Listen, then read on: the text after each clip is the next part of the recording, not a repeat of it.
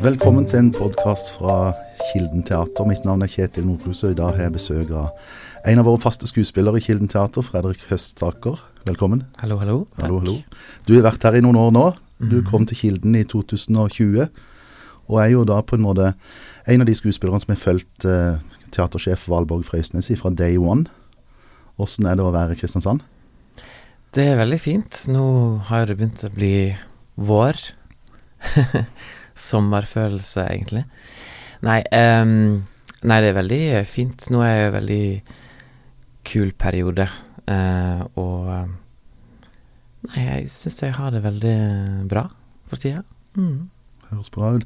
Vi skal jo inn på dette med at eh, 2023 er jo et litt spesielt og litt sånn ekstra stort år for deg som skuespiller, siden du spiller hovedrolle i ikke mindre enn tre ulike eh, forestillinger i år. Eh, Mm. men jeg tenkte litt å gå litt tilbake i tid eh, først, Fredrik. Eh, mm, du er født i 1990 Ja.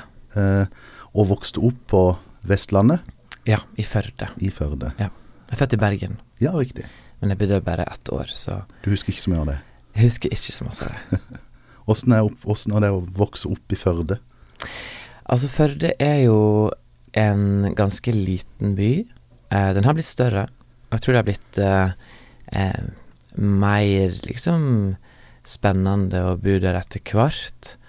Um, det var både fint og slitsomt, vil jeg si. Det, det, no, det var i alle fall på 90-tallet ikke så lett å være annerledes der. Um, men har òg fryktelig masse bra minner med venner og eh, alt jeg fant på, tull og tøys. Mm. Du, du har jo endt opp som skuespiller, iallfall foreløpig. Ja. Eh, var det noe som lå i kortene fra ung alder? Er det mulig å si noe om det? ja, altså, jeg var nok eh, Jeg var jo en, eh, en unge som eh, kledde seg ut fra veldig tidlig av. Eh, showa veldig for familie. Eh, kledde meg ut i forskjellige Disney-karakterer. Eh, og eh, ja, elska når det var karneval i barnehagen. Um, og så Men så begynte jeg faktisk først med dans. Um, jeg hadde lyst til å begynne å danse ganske lenge. Jeg turte ikke å begynne på ballett. Det var litt uh, Det er litt teit, men, uh, men jeg begynte iallfall på jazzballett da jeg var ni. Eh, det var ikke noe som jeg mestra sånn umiddelbart. det er liksom den verste fasen sånn før pubertal uh, tid, der liksom eh, kropp er bare ikke uh, noe man har et forhold til, omtrent. Um, men det førte meg videre inn i teatret, da. Eh, da var jeg på en audition først til en, eh, en musikal som skulle settes opp i Førde, som heter Bugsy Malone. Um, og det var egentlig sånn mitt ordentlige første møte med uh, teater i litt mer proffe ramme. Uh, vi fikk en oppgave, vi skulle jobbe i par uh, og improvisere rundt en sånn kjempeliten tekst. Og jeg syns det var så vanvittig kult. Um, jeg kom ikke videre på den eh, auditionen, men jeg ble invitert til eh, ungdomsteateret, altså kun teater, da. Og der eh, bare kom jeg inn, og det var det mest fantastiske eh, vendepunktet. Så den, den spira ble sådd ganske tidlig hos deg, altså. Det var det, ja. Og så gikk det slag i slag med, med dramalinje på videregående skole og, Mhm. og videre på folkehøyskole. Mm. Du flytta til Østlandet da, på folkehøyskole, til Romerike. Ja.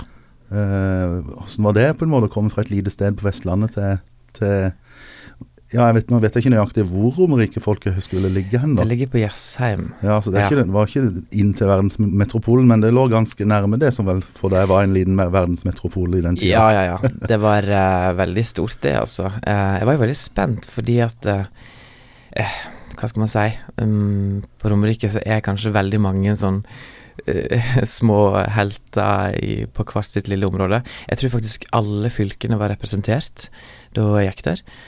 Eh, så jeg var liksom spent på om jeg skulle på en måte forsvinne litt i bakgrunnen, eller at jeg iallfall ikke turte kanskje å, å opprettholde eh, det jeg hadde holdt på med så lenge, men tvert imot, egentlig. Jeg fant, fant bare en veldig ro, og eh, klarte liksom både det å eh, jobbe utrolig hardt, men òg liksom ha det utrolig masse morsomt, eh, som man sier, eh, når man er eh, i festlig lag. Eh, Nei, men det, det var liksom det, Jeg følte akkurat det eh, et folkehøyskole skal være. Det å knytte bekjentskap, begynne å smake på voksenlivet. Men så var det òg det med at jeg hadde veldig store ambisjoner for det året òg. Eh, for hva jeg hadde lyst til å gjøre, som jeg følte jeg fikk til. For da tok du det nesten på en måte litt sånn opp til et, eh, et nytt nivå. Mm. Eh, var det allerede da klart for deg at du ville leve av å være skuespiller? Ja da, det, det var jeg klar, klar over helt siden jeg var eh, sommeren jeg ble 14, tror jeg. Mm. Um, da var jeg jo med i et uh, teaterstykke slash spel som var litt utenfor Førde, Jølster. Um, et uh, stykke som heter Audun Hugleiksson, som eh, Yngve Sundvor uh, satte opp. Og da møtte jeg eh, Da jobba jeg på en måte mot eh, Bjørn Sundquist og, og Kjersti Sandal og fantastiske skuespillere. Og da fikk jeg jo første eh, liksom følelsen av at dette her går jo an å jobbe med og, og leve av, og jeg syns det bare var enda mer spennende. Så jeg var veldig eh, avklart etter den sommeren. Ja, og Samtidig så går du inn i noe. Jeg vet ikke om du var klar over det i den tida hvor, hvor trangt det nåløyet egentlig er. Det å skulle leve å være skuespiller. Ja da. Eh, det følte jeg jo eh, at jeg visste på en måte. eh, at det kom til å være hardt. Og jeg leste jo intervju, og folk sa det rundt meg. Og studieveilederen på ungdomsskolen var jo sånn Å ja, skal du begynne på videregående der borte, da må du bli på hybel, og er det så bra, og er du klar for det? Så er det sånn Ja, det er jeg så klar for. Jeg veit liksom Ja, jeg veit hvor jeg skal. Mm. Og etter, etter Romerike folkehøgskole, da, Mm. eh, hvor gikk veien videre? Ja. På Romerike så uh, var det litt sånn åpent for meg um, hva retning jeg skulle begynne i. Uh, jeg søkte jo Teaterskolen i Stockholm. Jeg søkte jo selvfølgelig Teaterskolen i Oslo. Jeg søkte uh, et sånt forstudium teater uh, som ligger i Oslo, og så søkte jeg òg da Borderakademiet. Mm. Og jeg søkte Borderakademiet med en tanke om at jeg hadde lyst til å fortsette um, utviklingen av på en måte det kroppslige, liksom dansen og, og stemma, da, hovedsakelig. Og tenkte jeg skulle gå der ett år. Um, men så ble det året plutselig tre. Ja. og jeg syns det var uh, utrolig gøye år. Uh, skikkelig, skikkelig beinhardt. Um, det er jo en, en skole der du Veldig masse er selvfølgelig overlatt til deg sjøl, med at du må eh, Ja, stå og pugge sangtekster og lære dansetrinn, møte ballett, stepping, eh, ulike pardanser, og, og oppi det hele liksom ta ansvar for skuespilleriet, liksom. Det er jo ikke noe som man får så masse der, da. Eh, men, men jeg holdt jo på med det parallelt. Så Nei, det var veldig, veldig fine år. Er Borderakademiet eh, en skole der alle på en måte eh, er gjennom det samme, eller får du mulighet til å spesialis spesialisere det allerede der? Ja, da søker man seg inn enten gjennom eh, Altså, det er musikkteater, og den er vel delt fortsatt i musikkteater eller med musikaldans. Mm. Eh, og så har det òg rein danselinje, og nå har det sikkert kommet noen andre linjer òg. Eh, så fra tidligere så spesielle, Tidlig av så, så velger man retning for hva man vil Mm. eh, velge. Må si på nytt. Um, Det der kan vi bare ja, det skal vi ta vekk.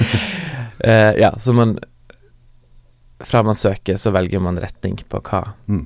hva man vil gjøre. Mm. Mm. Og da hadde du, hadde du prioritert eh, Teaterhøgskolen hvis du hadde kommet inn på den først? Ja, det hadde jeg nok. Men der er, allerede der er jo nåløyet knallhardt, holdt på å si. Ja. Eh, hvor lenge måtte du vente før du kom inn der? Altså, jeg eh, gikk jo ikke på bacheloren på Teaterhøgskolen, men jeg gikk på det som er masteren, som ikke har eksistert så lenge. Eh, men da Altså, jeg var utdanna fra Bårdør i 2013, og så jobba jeg vel i fire år. Og så kom jeg inn våren 2017. Mhm. um, ja. Så Og i mellomtida der så um, ja, gjorde jeg forskjellige typer prosjekt, egentlig. Uh, litt i Oslo, men veldig masse på Vestlandet. Litt i Trøndelag. Noe som Haugesund. helst uh, på institusjonsteater i den tida, eller var det Mm. an andre type? Mm. Ja da. Var på det som heter Sognefjorden Teater, som heter Teater Vestland nå. Mm. Eh, Haugesund Teater. Men òg eh, litt sånn egne prosjekter, eller liksom mindre sånn kompani og sånt. Men ja, ikke i den størrelsen som Kilden. Nei. Det var det ikke. Jeg var inne og snoka litt i din eh, film- og TV-seriekarriere. eh, ja, den er ikke stor. Men du har vært innom en serie ja. I 2017, 'Valkyrien', Mm. som jeg tror ganske mange egentlig i din generasjon av skuespillere i Norge føler jeg har vært innom på et eller annet vis. Ehm, var, det noe på en måte Altså, det er jo skuespillere her på huset som, som gjør ganske masse TV og serie og film osv. Uh, mens du har på en måte uh, kanskje valgt en annen retning. Er den permanent, eller er, er det noe med å eh, stå på scenen som trigger deg mer enn å jobbe med, med bilder og sånne ting, da? Um, det er Jeg tror nok alltid teatret vil ligge hjertet mitt nærmest. Um, uh, men jeg har jo gjort så lite film at jeg kan på en måte ikke helt vite.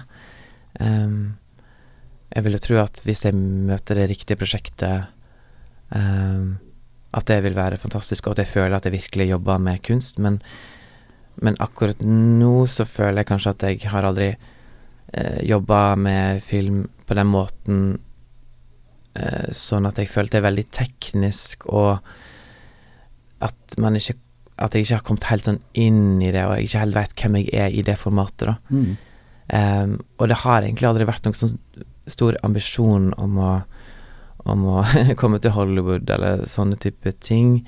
Um, det har vært mest liksom scenen jeg har uh, forestilt meg. Um, så Men altså, vi får se. Jeg er jo veldig sånn åpen for det. Men, men um, absolutt. For nå har vi kjent hverandre litt i, i noen år allerede, og du slår meg jo som en person som på en måte um, jobber med skuespilleryrket som Altså det er kunsten som trigger deg, Mm. og ikke nødvendigvis eh, fame og, og så videre, sånn, som, sånn som på en måte kanskje enkelte andre uh, blir veldig trigga av. Men du er en Mm. kunstner, du. Ja, det er jo eh, Det vil jeg absolutt si at jeg er scenekunstner. Mm. Um, ja, det, det er kunsten som er viktig. Um, absolutt. Det er jo viktig å nå ut til folk òg. Jeg vil jo eh, berøre og treffe eh, folk gjennom det jeg gjør. Mm. Em, og, men jeg kan fint liksom, jeg kan fint liksom veksle mellom eh, mer kommersielle produksjoner og det mindre. Men det er viktig at det er eh, Man må ha hjertet med seg, da, i det man gjør. Mm. Um, eh, ja, og utfordre og, og dytte de grensene så masse man kan. Det er viktig for meg. Mm. Og du har jo en eh, kort karriere som dikter, så òg når jeg snoker rundt på Mm. internett. ja, det Med ei, ei diktsamling eh, i gråsona ja. i 2009. ja. Eh, var det bare et eh, innfall, eller drev du på en del med det i den tida der? Du, um, det var sånn at uh, vi var en gjeng som uh, skreiv uh, ganske masse dikt på videregående. Eh, fra første klasse, første, faktisk. Eh, fordi det var eh, ei stund Det var noe som heter Diktkammeret, eller Skolekammeret, og heter det, eh, på eh, dagbladet.no. Der vi var en gjeng som bare eh, Egentlig bare kødda og sendte inn dikt under pseudonym. Ok. og så var det sånn at eh, en gang i måneden så ble det jo det en som var vinner.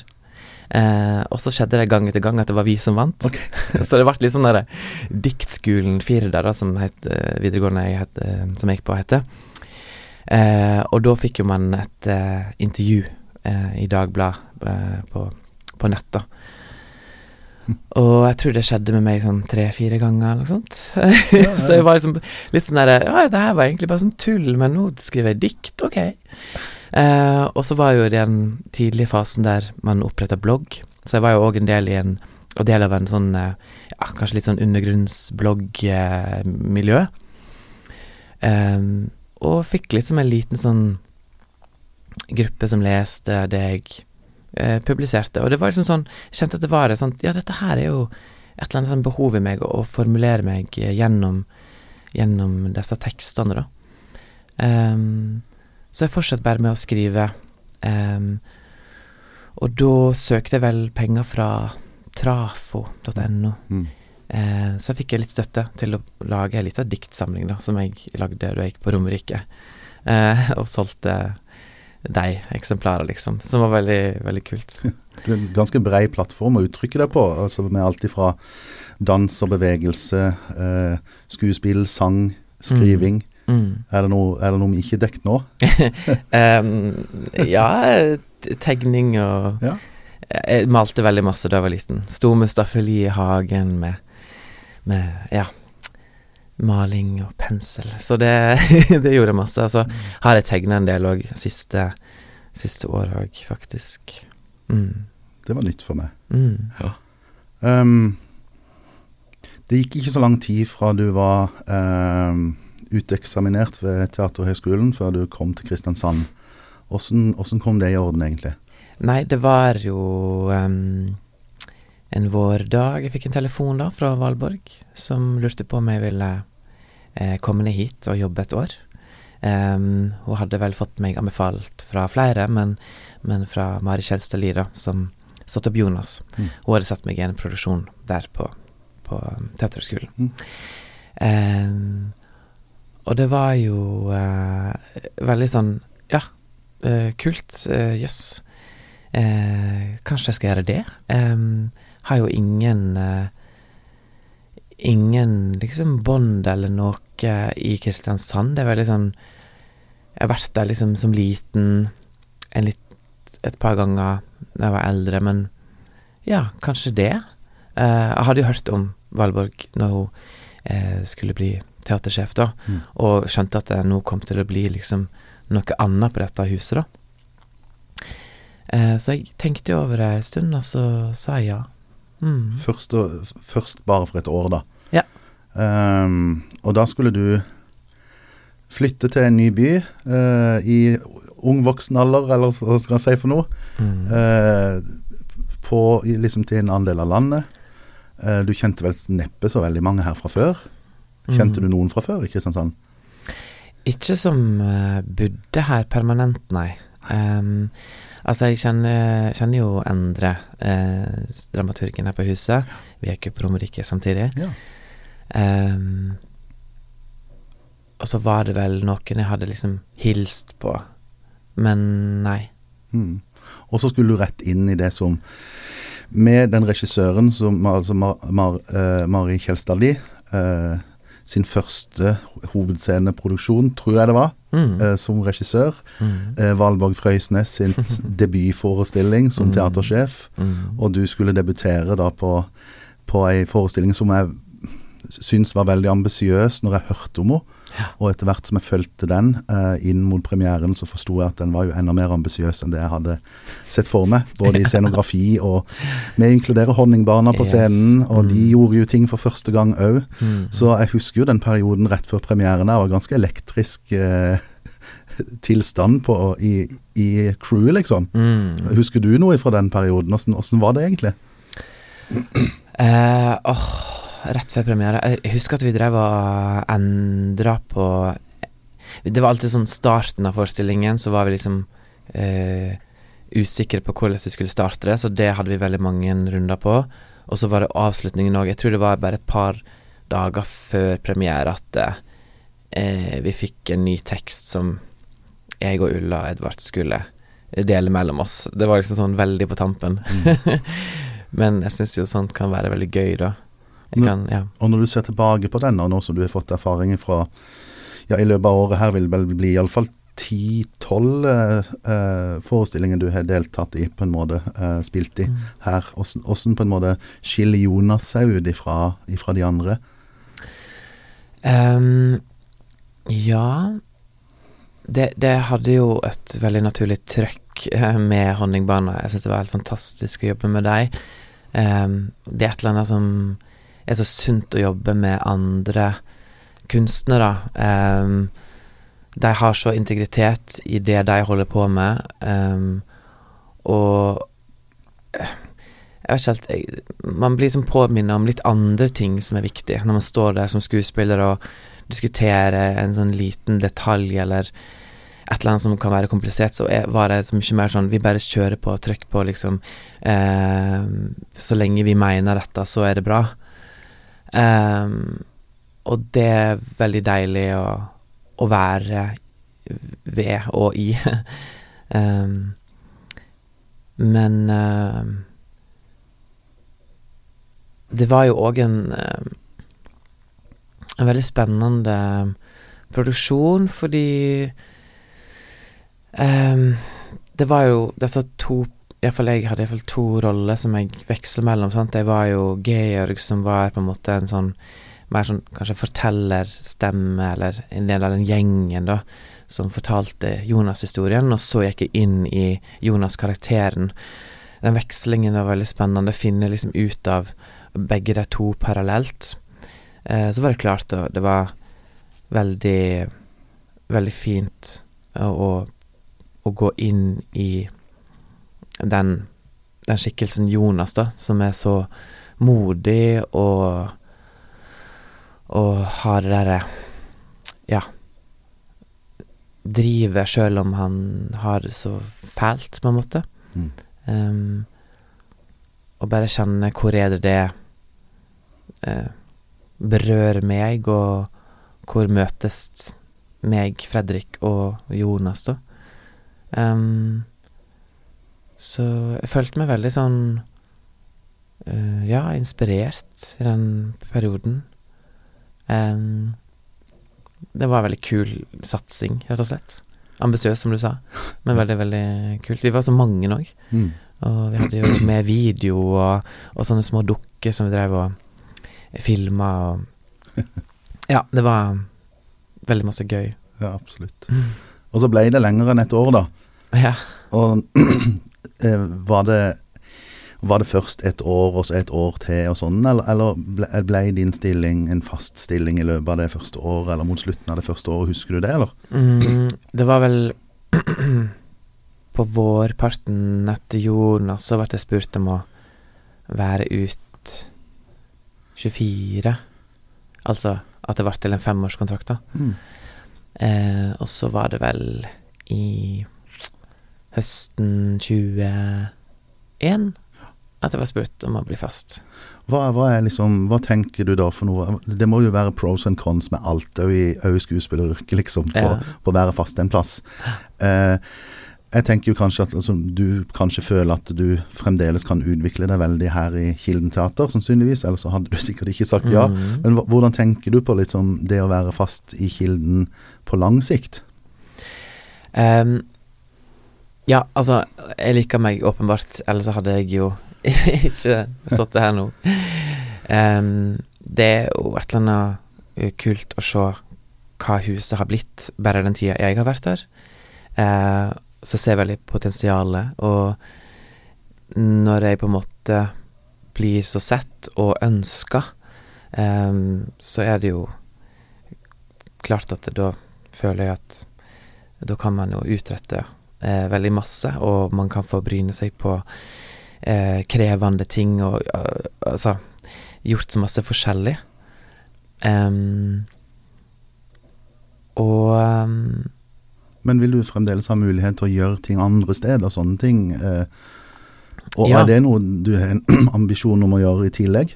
ja da, absolutt. Jeg um, hadde jo en eh, permisjon herfra i fjor. Da var jeg i Oslo en, eh, ja, var det ni måneder, noe sånt, um, som jeg kjente at jeg absolutt trengte. Jeg er jo veldig, veldig glad i Oslo.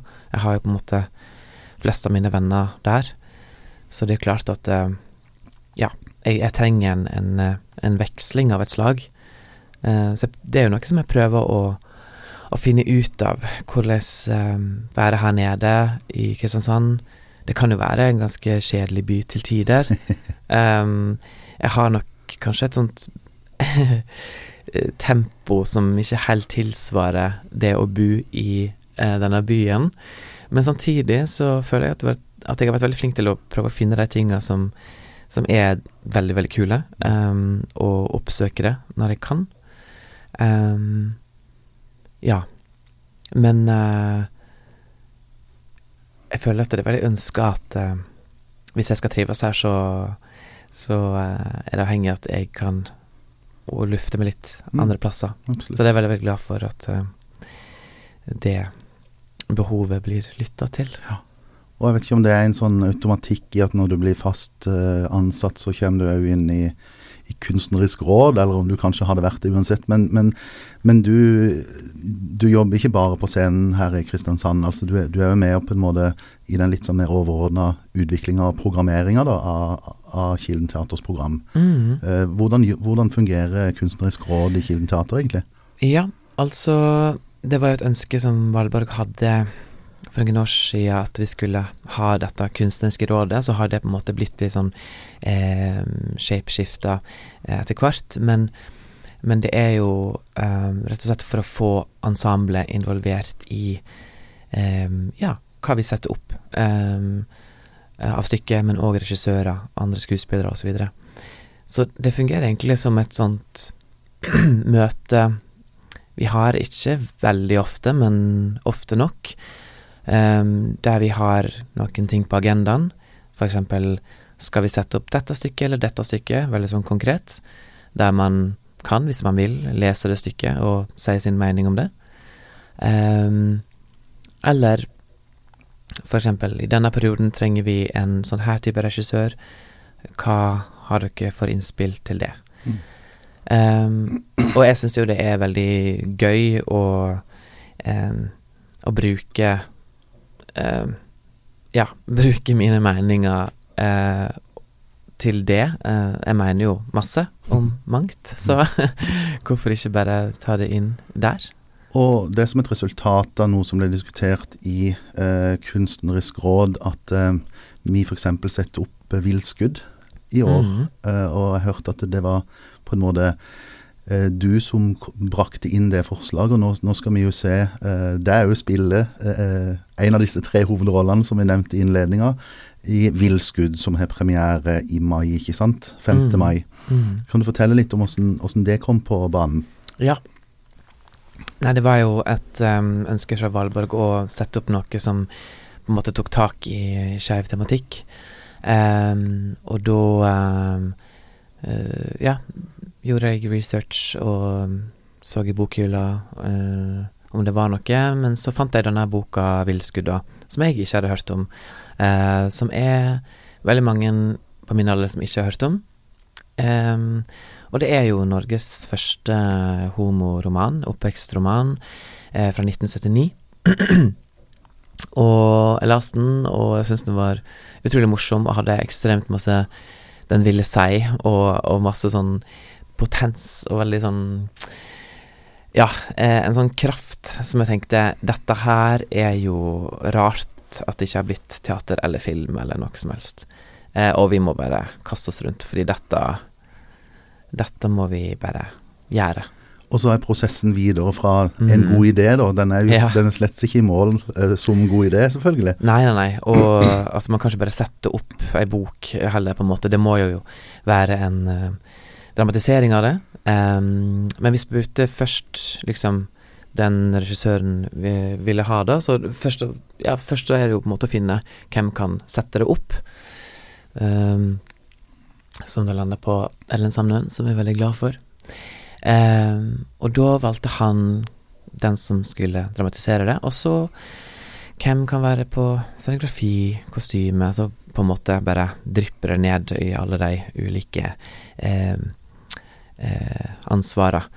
Eh, og hvem skal være med, ikke minst. Mm. Um, så ja, det har jo vært en uh, prosess fra Ja, nå husker jeg ikke hvor lang, lang tid det har tatt, men, men det er veldig gøy å se. Jeg blir veldig sånn stolt av det prosjektet, fordi uh, ja, man har vært med og liksom Ok, det er jo det, altså, det er ganske sårbart på en måte å være sånn Kanskje dette her kan bli teater? Og så er det jo ja, det, altså, Selvfølgelig, det ansvaret, penger det, det, Kildens liksom satsing, på en måte.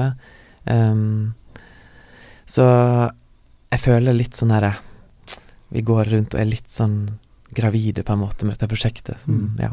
Det høres ut som en veldig meningsfylt eh, del av jobben, det å altså kunne, kunne ha den påvirkningskrafta, og ikke bare bli holdt på seg, bare i anførselstegn bli kasta til en rolle og gjøre den rollen, på en måte. Du, mm. du vil jo være med oss og utvikle det prosjektet herifra. Ja. Egentlig første ideen og fram til gjennomføringa, da. Og det er jo òg noe som er fint med å, være lengre um, over lengre tid på eh, en plass, er at man, man forstår litt mer av eh, publikummet, og hva er det som trengs, eller hva kan man gjøre her som man ikke nødvendigvis kan gjøre andre plasser. Um, og um, ja. eh, Det er jo lett å si sånn det, ja, vi kan sette rom i Julie, vi kan gjøre et dukkehjem, på en måte. Men altså sånn, det å virkelig være sånn Må på en måte argumentere for hvorfor man skal gjøre akkurat dette, og akkurat den regissøren. Eh, det er et, liksom et lengre arbeid, men veldig, veldig gøy arbeid, syns jeg. Mm, Nå har jo vi begynt å jobbe med villskudd eh, her i Kilden, og planlegge aktivitet innenfor både marked og kommunikasjon osv. Videre, Mm. og jeg syns jo det er veldig mye å ta tak i her, som jo alltid er en bra ting, selvfølgelig. Um, men eh, fra ensemblet sin side, da, fra de som skal presentere villskudd, hva, hva vil du forklare? Hva, blir villskudd for noe, sånn som du ser det akkurat nå? Sånn som jeg ser det akkurat nå, så blir det en eh, En veldig eh, åh, nær, leiken, modig eh, Følsom eller nær, eller sånn Mm. Sår, kanskje. Eh, men òg ungdommelig, på en måte. Altså ha denne ungdomskraften i seg. Vi skal jo Vi er så heldige at vi får med oss faktisk ungdommer fra ungdomskilden, så det er jo en kilde til kraft, det. Eh, ja, så musikalsk, kanskje. Um, ja. Og oppriktig. Oppriktig, kanskje. Mm.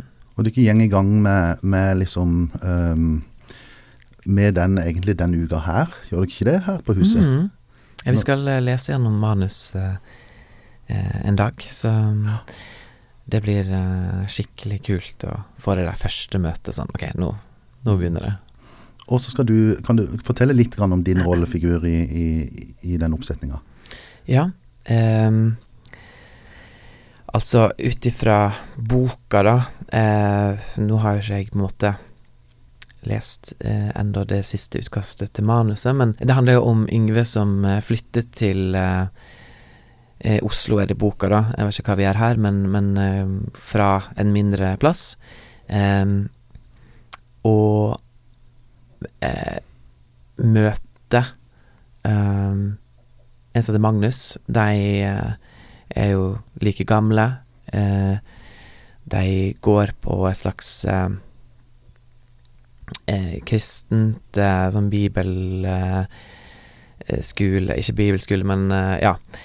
Eh, sånt opplegg. og eh, faller jo pladask for hverandre. Eh, og så er jo det her på slutten av 60-tallet. Så det er jo ikke bare bare det, å være to gutter som blir forelska i hverandre. Eh, Magnus har jo en veldig eh, religiøs familie, og er veldig opptatt av, av å være eh, en god kristen, eh, mens Yngve har mer eh, hva skal man si, progressive eh, og opprørske i seg. Så han er jo en veldig, veldig modig karakter. Han er veldig sånn Da jeg leste boka, så var jeg helt sånn Shit, for et mot han har. Han er liksom en sånn überhelt som bare eh, Ja, et ordentlig sånn skeivt forbilde, fordi han bare tør å gå inn i kampen hele tida. Han er jo på ingen måte perfekt. Han, han roter jo til masse eh, hele veien, men han har et sånt um, En sånn krigers, nesten, føler jeg. Um, ja. Så er det jo den utfordringen, da, eh, i dette forholdet. De, de, klarer jo på en måte å finne noe som er sitt. De flytter ut i skogen og, og har det skikkelig fint. Um, lage sitt, sin egen lille verden. Men så kommer jo dette her, alt det andre mm. rundt, og, og ødelegger for dette forholdet. Mm. Så um, Og det er jo ikke noe som er uvanlig i vår tid heller, så ja. Du sier karakteren kommer flyttende til en større by fra et mindre sted osv. osv. Hørtes litt ut som på en måte kanskje noe av det Det som jeg tror mange egentlig opplever, det er kanskje spesielt i Norge, og Oslo. Men er det, mm. er det mye i den boka som du kjenner deg igjen i personlig òg, eller?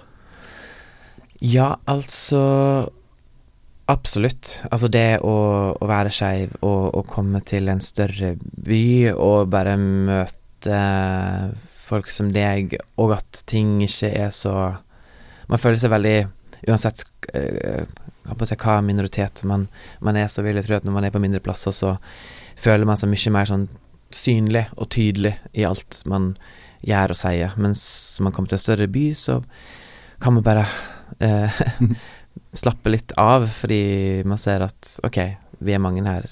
Folk klarer seg.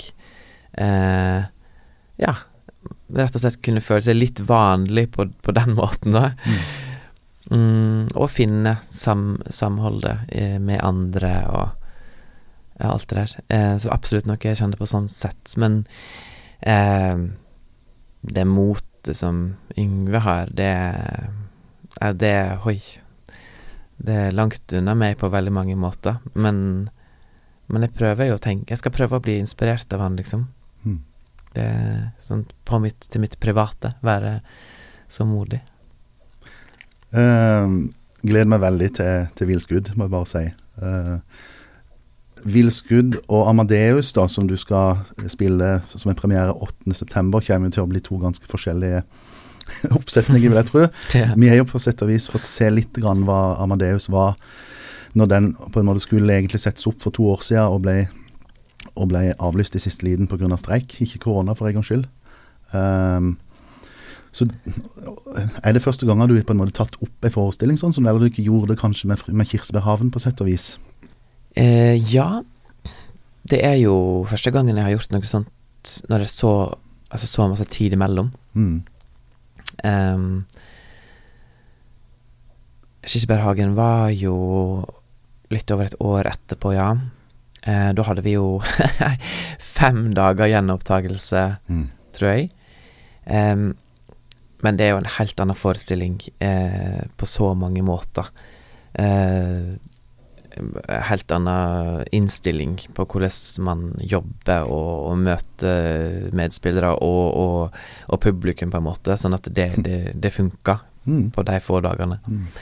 Eh, Amadeus er jo et, et svært maskineri på så mange måter. Um, jeg syns det var uh, utrolig trist da vi måtte avlyse, men jeg var veldig glad for at det var et veldig fort sagt sånn Vi tar opp igjen om to år. uh, så da var jeg veldig sånn Ja, ja, men det går fint. Og så tenkte jeg ikke så masse over det faktisk. Og jeg visste veldig sånn at når vi kommer til høsten 2023, så kommer vi til å være sånn Oi, det har gått fort. Og det føler jeg nå. Ja. Og ja, det Og i Amadeus så skal jo du portrettere en av verdenshistoriens mest kjente personer, Wolfgang Amadeus Mozart. Eh, noe som jo er eh, sikkert det som holdt på å si ganske annerledes, vil jeg tro, enn å, enn å f.eks. jobbe med villskudd. Mm. Eh, Åssen tilnærmer du deg så totalt forskjellige oppgaver Åssen uh, tilnærmer du deg de, liksom? Hvordan går jeg i gang med å jobbe med en sånn eh, person? Eh, svær Legendarisk skikkelse. Um, jeg prøver jo å tenke så lite som mulig på den filmen, da, mm. for å si det sånn. Ja. Um, det er litt sånn viktig for meg. Uh, når jeg er inne i sånne prosesser, så vil jeg på en måte ikke eh, tilsmusse det med, med, andre tolkninger, da. For det er jo en tolkning. Mm. Um, og jeg må komme med mitt. Uh, og det er Ting kan sette seg veldig uh, mye mer enn det man er klar over. Og jeg har jo selvfølgelig sett den filmen. Um, og, og, det ligger jo noe der baki der, liksom. Uh, men jeg, jeg las jo en, en, en biografi om han. Jeg prøvde å sette meg inn i, i hans liv gjennom det. Eh, det var en sånn bok med mange forskjellige sånn brev mellom han og faren. um, høre på musikken, selvfølgelig. Altså det der enorme spennet, sånn som eh, stykket òg tar opp, da, for så vidt, men, men mellom det her tullete, barnslige språket som han hadde, som han ser gjennom breva, som er veldig masse tissebæsj, promp, humor, liksom, uh, og så uh, på den andre sida den her himmelske musikken som han lagde, og så kompliserte, ikke minst. Uh, det er veldig morsomt spennende å jobbe med. ja, det tenker jeg. så jeg tror kanskje at jeg først prøvde å finne litt sånn den tilgangen til det derre uh, Ja, det himmelske gjennom musikken. Sånn der, når, når, du får til dette, så, så er det jo et eller annet i han som, som strekker seg mot det, eller som en sånn Her er det en portal til et eller annet, og en ambisjon, eller en sånn enorm eh, Ja eh, kunst. Mm. Et møte med en stor kunst, liksom. Og prøve å gå inn i det helhjerta. Eh, og så selvfølgelig finne det der komiske som og handler om det fysiske, måten man, man, man går rundt på, tempoet sitt, eh, alt det der. Han er jo en, en, en kjapp fyr, har veldig mange ting han skulle sagt, veldig masse fort. Eh, og er som en litt sånn virvelvind, på en måte. Men jeg gleder meg veldig til å gå inn i det igjen, fordi jeg Jeg tenker jo at jeg er jo ikke ferdig med en karakter heller, sant. Så nei, jeg skal ikke bare repetere det jeg gjorde. Jeg skal liksom ja, lage det litt på nytt, tenker jeg. Mm. Eh, men baserer selvfølgelig på det jeg gjorde da, men, men det er veldig, egentlig veldig privilegert på en måte å kunne gjenoppta noe. Eh, la det heve to år, og så bare eh, se på det med litt eh, friske øyne, rett og slett. Mm. Og så vidt jeg kan huske, nå så ikke jeg holdt på å si full versjon av Amadeus mm. sist. Uh, men jeg syns jo allerede, altså allerede da og den brøkdelen av det som egentlig blir forestillinga, som jeg så, ja, med tanke på lys og produksjon og kostyme og sånn, så blir det jo en ekstremt uh, humørfylt, uh, fargerik, musikalsk og stor, storstilt forestilling. Uh, mm. Amadeus. Det er jo den store satsinga med orkestermusikere på scenen og skuespillere og dansere osv. osv. osv. Så den gleder jeg meg òg veldig til. Mm. Uh, uh, og det er jo premiere altså da i september, 8. september. Ja. Og så vil jeg gjerne innom litt grann på, på tampen her, altså. Vi er midt i en spillperiode òg nå. Mm -hmm. eh, 'Idioten' av Dostojevskij. Ja. Eh, nå har den satt seg ordentlig, og dere har vel hatt sikkert 10-12 kanskje allerede gjennom, gjennom uh, gangen, holdt på å si, av den, mm. med, etter premieren. Òg eh, en kjempe liksom fargerik, actionfylt, humoristisk uh, forestilling der du spiller din tredje eller første da, hovedrolle for året. Mm. Uh, som jo noe helt annet enn de to andre igjen. Ja. Kan du på en måte fortelle litt om din eh, figur i, i 'Idioten'? Ja, det er Det er jo denne her Fyrst Myrskin, da, som på en måte er så snill og god. Eh, at det går ille for han. um, nei, altså, det Han prøver jo uh, å redde denne Stasia Filippovna.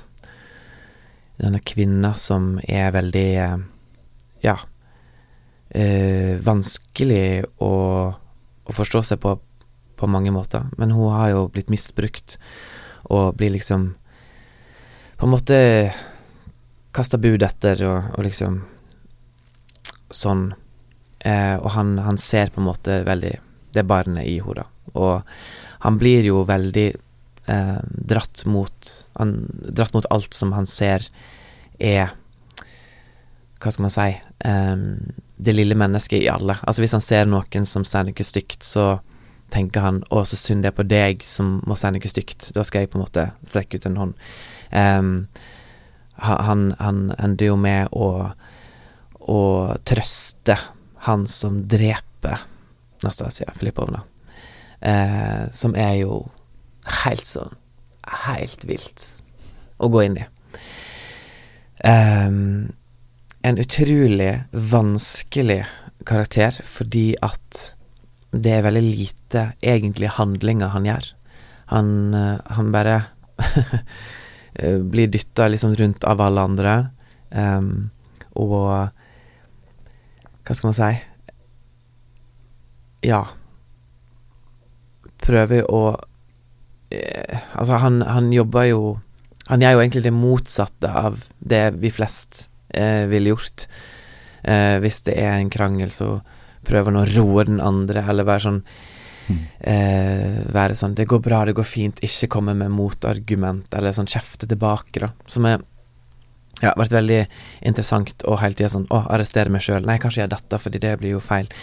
Eh, ikke noen baktanker, ikke noe prosjekt, ikke noen mål, egentlig, utover å bare være et godt, så godt menneske som mulig. Um, som ikke han engang uttaler. Han sier aldri sånn 'Jeg skal bare være så god som jeg kan'. Han bare er det.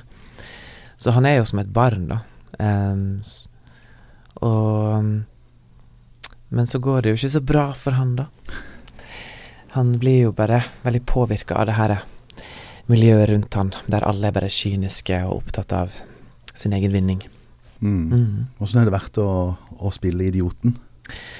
Um, kjempegøy. Altså, det har vært en, uh, en av de morsomste prøveperiodene jeg har vært i. Uh, så masse tull og rare ting vi prøver ut, og så er det sånn Ja, men dette her gir jo faktisk mening, på et sånt absurd vis. Eh, fantastisk ensemble å jobbe med. Eh, Ole Johan har vært en helt nydelig leder. Eh, vært lagd en så utrolig Et så utrolig bra arbeidsrom. Um, og vært så tålmodig og ambisiøs. Mm. Og det liker jeg. Jeg liker når folk er ambisiøse. Mm. Det Da uh, føler jeg at alle strekker seg lenger enn det de egentlig tror. Det er jo en forestilling med utrolig masse presisjon, form og masse tekst samtidig. så det har vært en, virkelig en sånn stor jobb å holde styr på eh, alt det der eh, bevegelsesspråket man står i, og teksten man skal levere. Og vi har jo ikke mikrofon, og vi er på hovedscene, eh, og alt skal til bakerste rad. Eh, og holde styr på alle disse linjene og rare anekdotene. Mm. Um, men det, det, er jo Ja, det er skikkelig, skikkelig fett å, å være i den forestillingen. Jeg er veldig, veldig glad i den forestillingen. Um, jeg eh, håpte jo at jeg en gang skulle få jobbe med Ole Johan, og nå har jeg gjort det, på en måte. Det er veldig rart. Mm. Um, så jeg er veldig, veldig, veldig takknemlig. Hvis du prøver å se for deg et års tid fram i tid, og så ser du tilbake igjen på 2023 og disse tre store rollene dine, hva, hva tror du på en måte hva er, det, hva er, det, artigste med 2023 for din del, og hva tror du du syns om et år til var, var det vanskeligste? Oi, oi, oi. Ja, kanskje litt vanskelig spørsmål? Uh, ja, det er vanskelig spørsmål. um, jeg tror nok uh, Jeg sikkert tenker på det veldig isolert. At det ikke er ett år, men at det er på en måte den tida og den tida og den tida. Greit det. um, jeg tror nok med Idioten så uh, ser jeg tilbake på som en sånn veldig heftig arbeidsperiode, bare sånn alle de vekene Bare sånn hver dag stå på jobb i høye sko, eh, kjempesliten etter jobb, og så komme hjem, legge meg, og så begynne å jobbe med teksten igjen på kveldstid. Og så repetere det kjempemasse. Og så selvfølgelig endringer og, og alt det der. Og litt sånn der herlighet, blir det premiere? Det er så mange ting som eh, ikke føles som det er på plass, og, og, alt det der. Det er jo ikke alle produksjoner man, man må sitte langt på kveld og jobbe med, men, mm. men her så er det sånn ikke vei utenom, på en måte.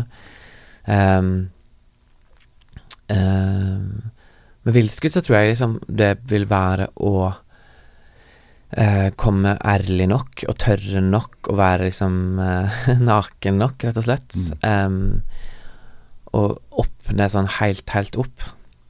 Det Det tror jeg Uh, Og at jeg, hvis jeg får det til, så tror jeg jeg kommer til å bli veldig sånn glad, glad for det. For min egen sånn investering i det. Um, det er jo et, et nærere type arbeid på mange måter. Eh, og bare sånn fysisk med publikum, at det er faktisk en mindre sal, og, og vi er færre skuespillere, og det, det, er store følelser og ja. Eh, og en ja, en, en, tematikk som kan berøre. Eh, veldig personlig.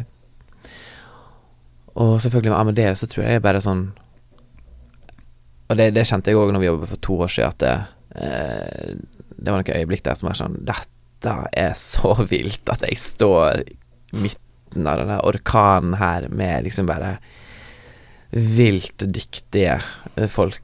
Altså, de musikerne er jo bare så dyktige, og danserne, andre skuespillerne, og ikke minst eh, sangerne. Alt der er bare vevd sammen, og den scenografien som er på trekk, opp og ned det er, så, det er så utrolig masse, da. Det er mm. massivt, liksom. Eh, så jeg tror den, den er sånn superkick, liksom. Ja. Så vi mm. får se om et år ja. hva jeg sitter igjen med, men ja. Det, det, er jo Det kommer til å være se tilbake som et helt vilt år. Så jeg, jeg håper jo at det går uh, kjempebra. Skal prøve å slappe av når jeg kan. Mm -hmm. Men det er jo jeg tenker jo også sånn, det er jo dette man, man har trent seg på opp gjennom åra. Mm. Eh, det som er morsomt, er jo at når jeg skal ha premiere på Amadeus, så er det jo faktisk ti år sia jeg begynte å jobbe som skuespiller etter jeg var utdanna. Mm. Så det er en ganske kul markering. Veldig bra. Mm. Jeg tror med det så vil jeg gjerne takke for samtalen. Kan være vi må ta en podkast om et års tid til å se tilbake, og om du, om du ja. klarte å spå riktig. Ja, vi får se. Ja. Takk for en hyggelig samtale. Takk for meg.